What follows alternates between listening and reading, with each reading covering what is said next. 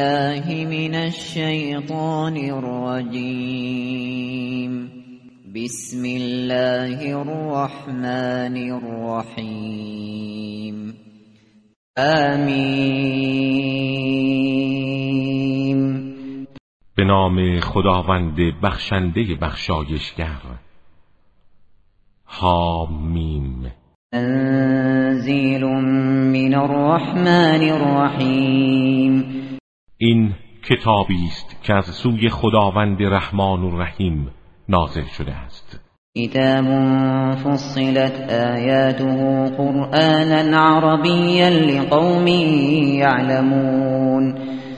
کتابی که آیاتش هر مطلبی را در جای خود بازگو کرده در حالی که فسیح و گویاست برای جمعیتی که آگاهند.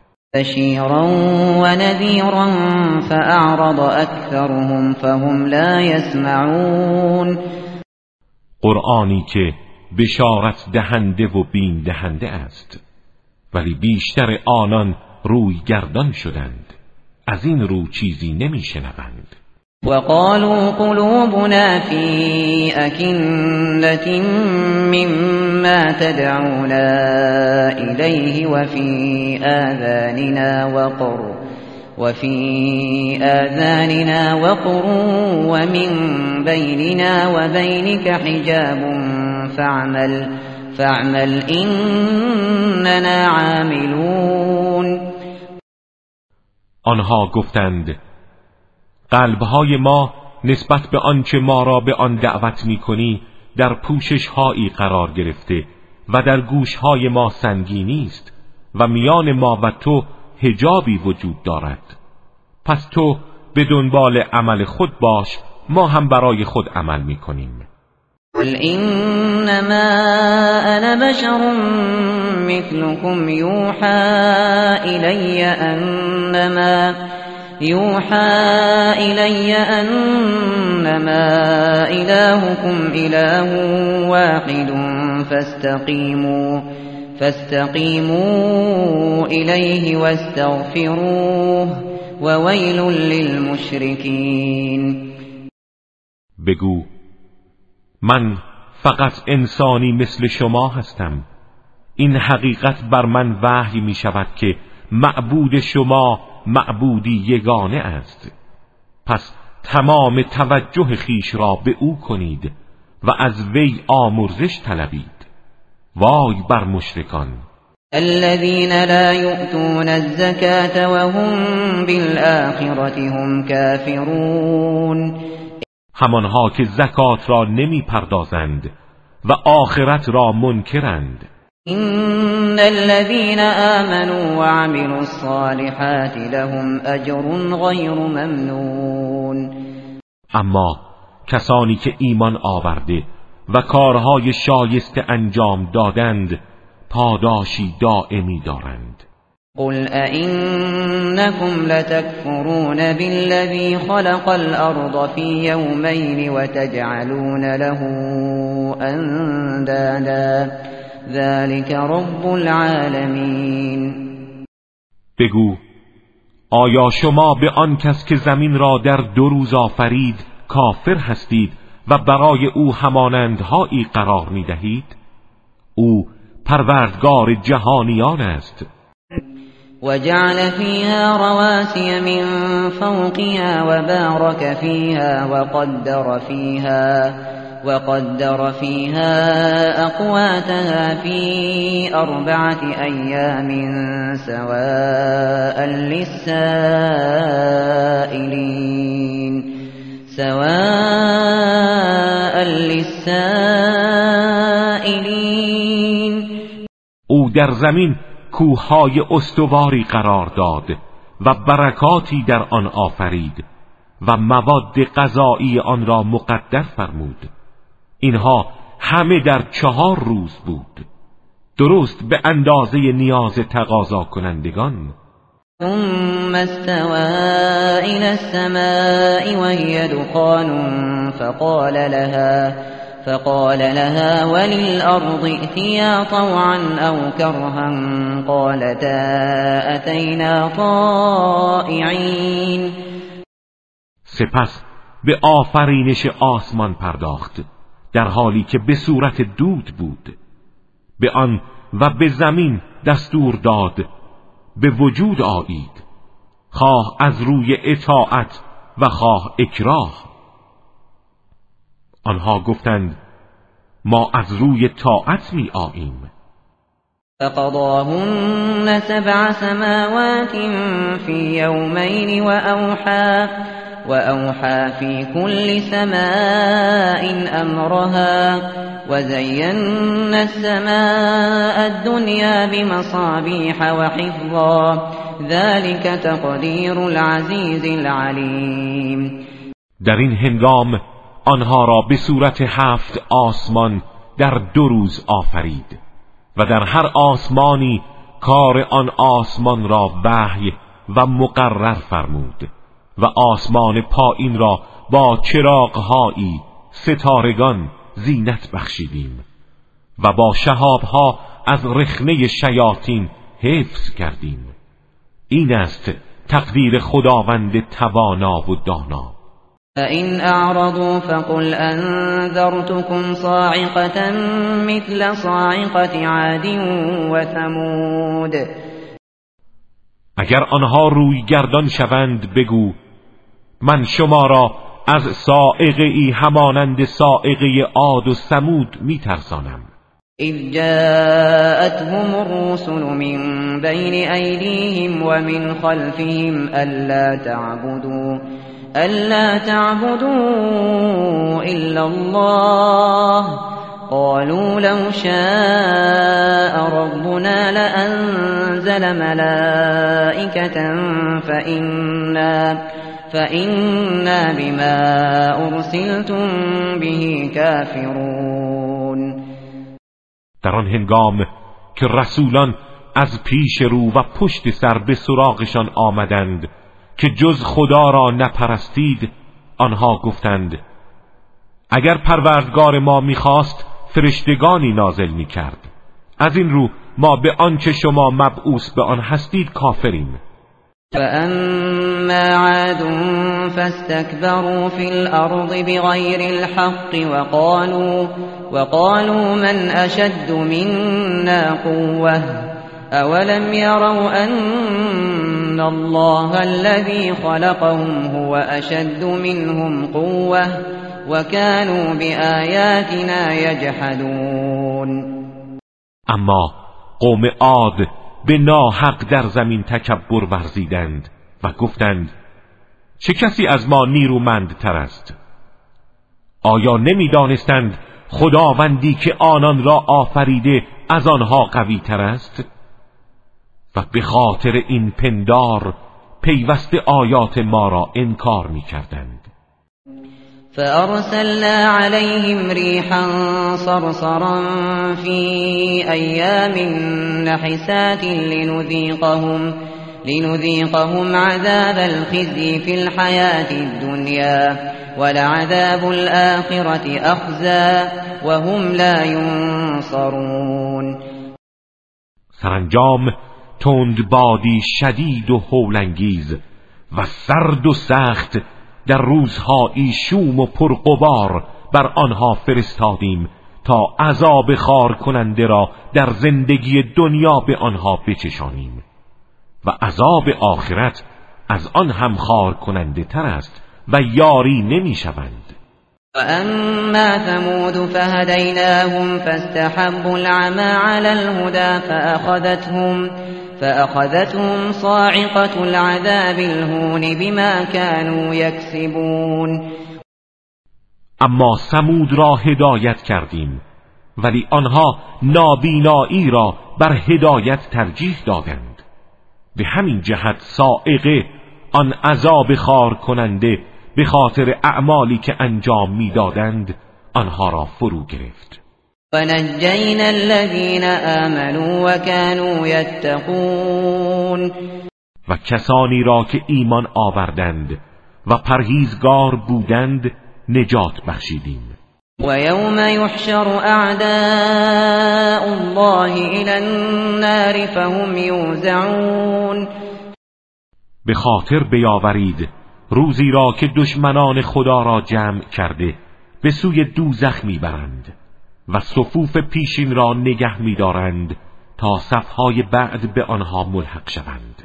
حتی اذا ما جاءوها شهد عليهم سمعهم شهد عليهم سمعهم وأبصارهم وجلودهم بما كانوا بما كانوا يعملون وقتی به آن می‌رسند گوشها و چشمها و پوستهای تنشان به آنچه می‌کردند گواهی می‌دهند.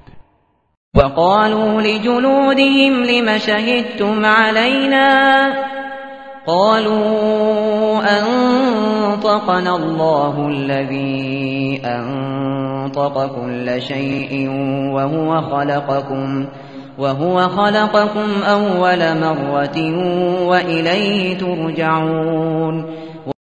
آنها به پوستهای تنشان می‌گویند چرا بر ضد ما گواهی دادید؟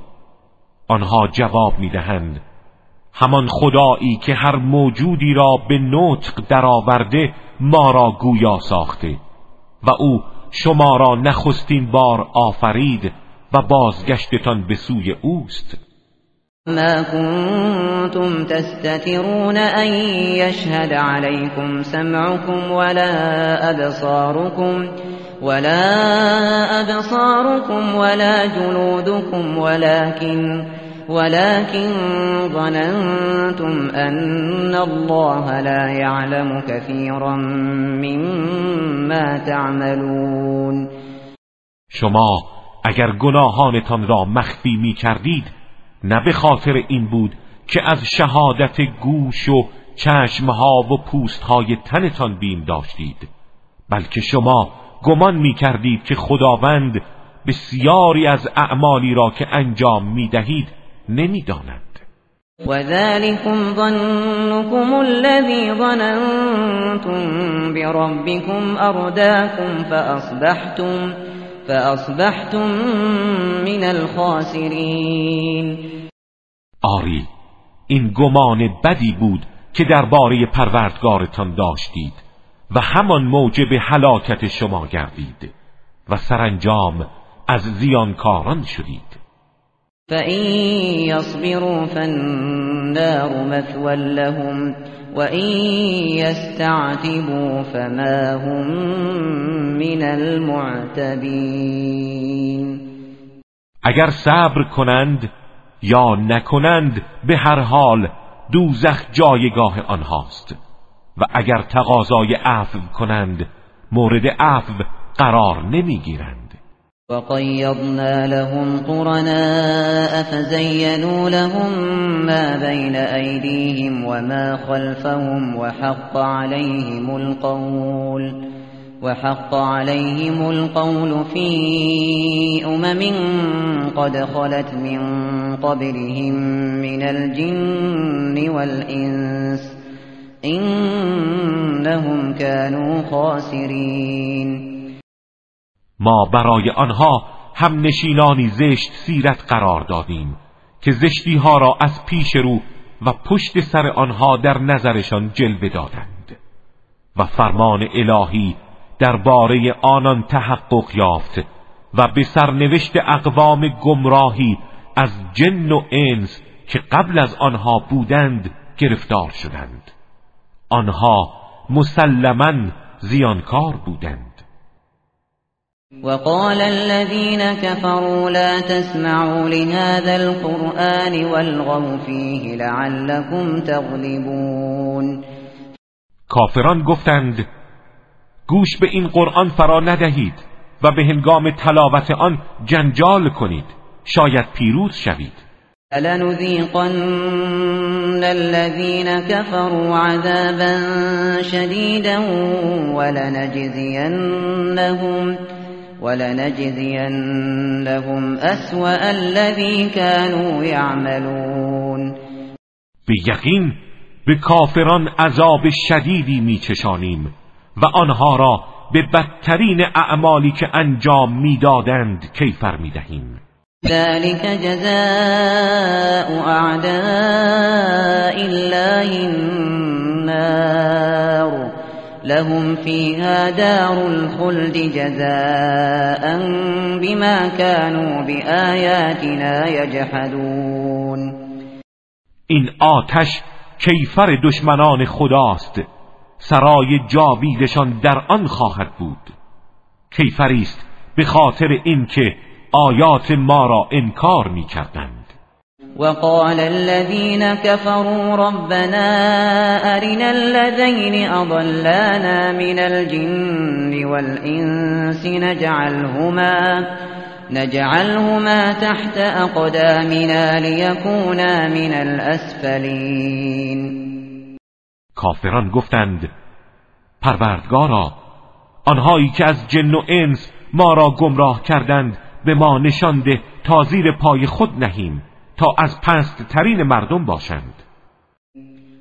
ان الذين قالوا ربنا الله ثم استقاموا تتنزل عليهم تتنزل عليهم الملائكة ألا تخافوا ألا تخافوا ولا تحزنوا وأبشروا بالجنة وأبشروا بالجنة التي كنتم توعدون به یقین کسانی که گفتند پروردگار ما خداوند یگانه است. سپس استقامت کردند. فرشتگان بر آنان نازل می‌شوند که نترسید و غمگین مباشید و بشارت باد بر شما به آن بهشتی که به شما وعده داده شده است. نحن اولیاؤكم فی الحیات الدنیا و فی الاخره ولكم فيها ما تشتهي أنفسكم ولكم فيها ولكم فيها ما تدعون. ما یاران و مددکاران شما در زندگی دنیا و آخرت هستیم. و برای شما هرچه دلتان بخواهد در بهشت فراهم است و هرچه طلب کنید به شما داده می شود. نزولا من غفور رحیم. اینها وسیله پذیرایی از سوی خداوند آمرزنده مهربان است. ومن احسن قولا ممن دعا الى الله وعمل صالحا وقال وقال انني من المسلمين. چه کسی خوشگفتارتر است از آن کس که دعوت به سوی خدا می کند و عمل صالح انجام می دهد و می گوید من از مسلمانانم. ولا تستوي الحسنة ولا السيئة. ادفع بالتي هي أحسن فإذا الذي بينك وبينه عداوة. فإذا الذي بينك وبينه عداوة كأنه ولي حميم. هرگز نیکی و بدی یکسان نیست. بدی را با نیکی دفع کن. ناگاه خواهی دید. همان کس که میان تو و او دشمنی است گویی دوستی گرم و صمیمی است. ما یلقاها الا الذين صبروا وما یلقاها وما یلقاها الا ذو حظ عظیم. اما جز کسانی که دارای صبر و استقامتند به این مقام نمی‌رسند و جز کسانی که بهره عظیمی از ایمان و تقوا دارند به آن نایل نمیگردند. و اما ینزغنك من الشیطان نزغ فاستعذ بالله انه هو السمیع العلیم. و هرگاه وسوسه هایی از شیطان متوجه تو گردد از خدا پناه بخواه که او شنونده و داناست.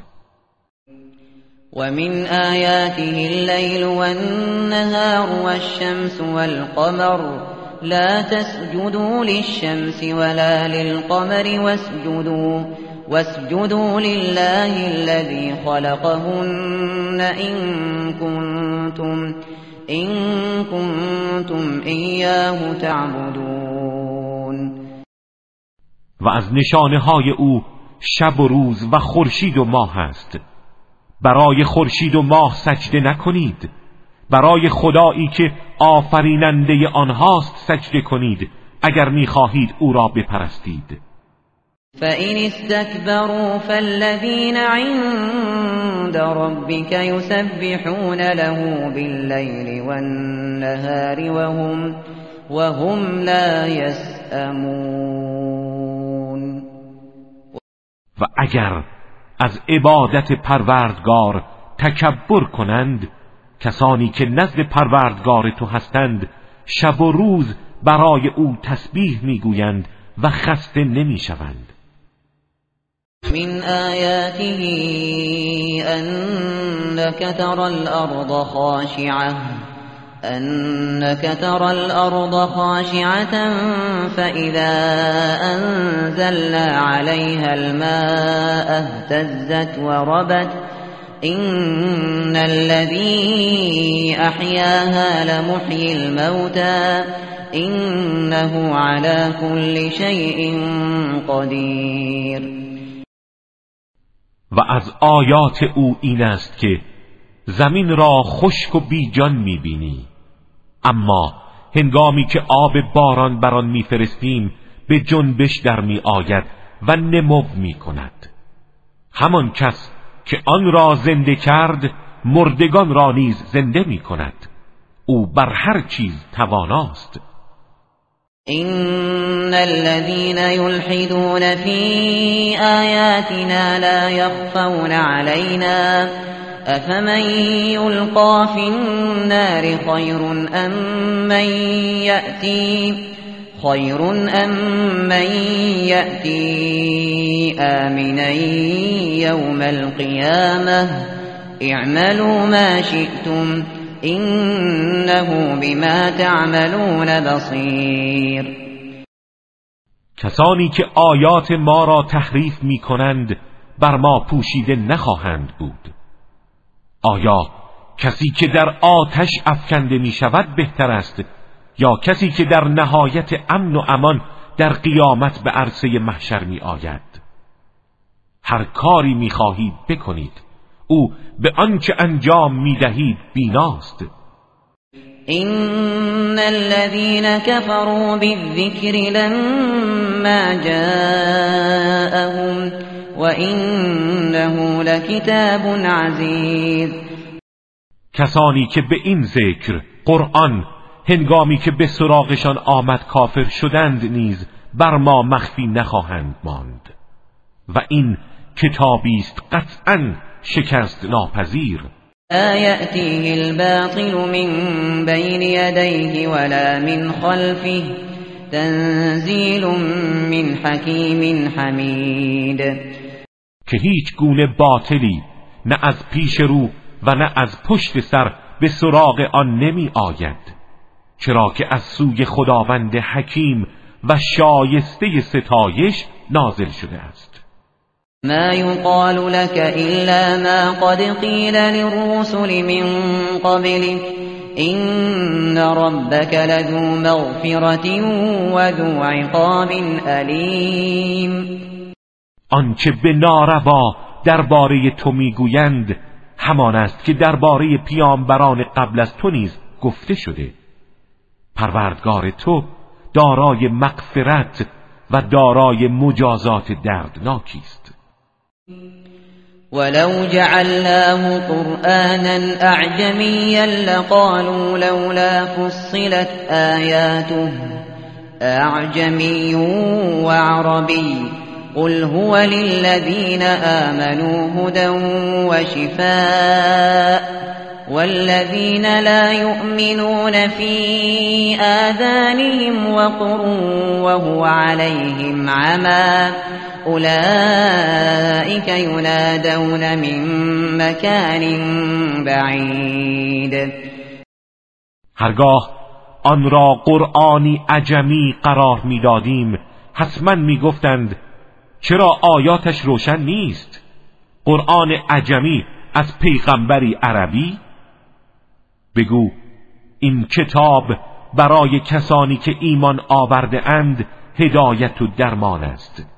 ولی کسانی که ایمان نمی آورند در گوشهایشان سنگینی است و گویی نابینا هستند و آن را نمی بینند. آنها همچون کسانی هستند که گویی از راه دور صدا زده می شوند.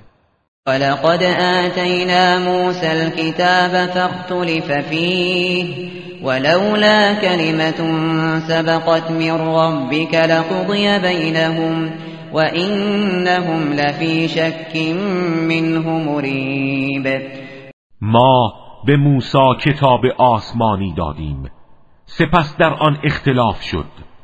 و اگر فرمانی از ناحیه پروردگارت در این بار صادر نشده بود که باید به آنان مهلت داد تا اتمام حجت شود در میان آنها داوری می‌شد و به کیفر می رسیدند ولی آنها هنوز درباره آن شکی تهمت انگیز دارند. ان عمل صالحا فلنفسه ومن اساء فعليها وما ربك بظلام للعبید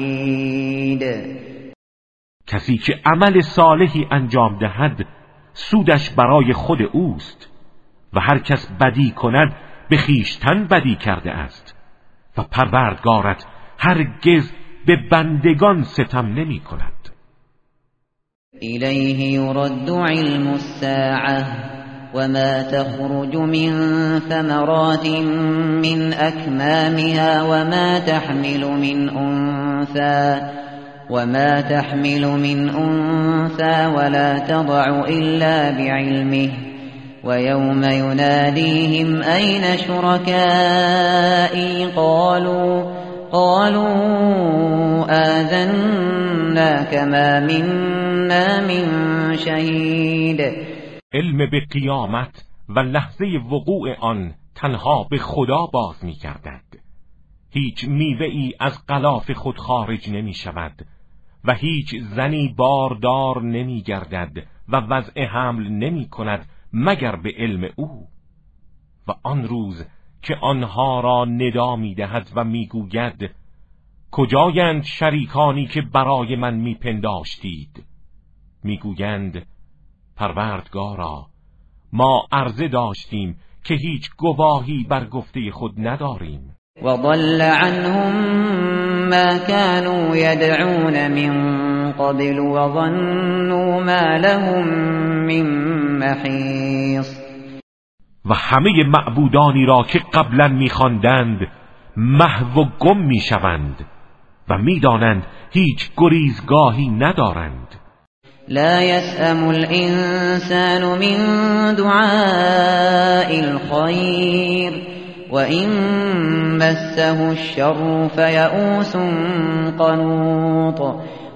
انسان هرگز از تقاضای نیکی خسته نمی شود و هرگاه شر و بدی به او رسد بسیار معیوس و نومید می گردد لئن أذقناه رحمة منا من بعد ضراء مسته ليقولن ليقولن هذا لي وما أظن الساعة قائمة ولئن رجعت إلى ربي ولئن رجعت إلى ربي إن لي عنده للحسنى فلننبئن الذين كفروا بما عملوا ولنذيقنهم ولنذيقنهم من عذاب غلیظ و هرگاه او را رحمتی از سوی خود بعد از ناراحتی که به او رسیده بچشانیم می‌گوید این به خاطر شایستگی و استحقاق من بوده و گمان نمی کنم قیامت برپا شود. و به فرض که قیامتی باشد هرگاه به سوی پروردگارم بازگردانده شوم برای من نزد او پاداش های نیک است. ما کافران را از اعمالی که انجام داده اند به زودی آگاه خواهیم کرد و از عذاب شدید به آنها می چشانیم وَإِذَا أَنْعَمْنَا عَلَى الْإِنسَانِ أَعْرَضَ وَنَأَىٰ بِجَانِبِهِ وَإِذَا مَسَّهُ الشَّرُّ فَذُو دُعَاءٍ عَرِيضٍ. و هرگاه به انسان قافل و بیخبر نعمت دهیم روی میگرداند و با حال تکبر از حق دور می شود ولی هرگاه مختصر ناراحتی به او رسد تقاضای فراوان و مستمر برای برطرف شدن آن دارد. قل ارأيتم إن كان من عند الله ثم كفرتم به ثم كفرتم به من أضل ممن هو في شقاق بعید بگو به من خبر دهید. اگر این قرآن از سوی خداوند باشد و شما به آن کافر شوید چه کسی گمراه تر خواهد بود از کسی که در مخالفت شدیدی قرار دارد. سنريهم آياتنا في الآفاق وفي أنفسهم حتى يتبين لهم أنه الحق. اولم يكف بربك انه على كل شيء شهید به زودی نشانه های خود را در اطراف جهان و در درون جانشان به آنها نشان می دهیم تا برای آنان آشکار گردد که او حق است. آیا کافی نیست که پروردگارت بر همه چیز شاهد و گواه است؟ الا انهم في مرية من لقاء ربهم. الا انه بكل شيء محيط. آگاه باشید که آنها از لقای پروردگارشان در شک و تردیدند. و آگاه باشید که خداوند به همه چیز احاطه دارد.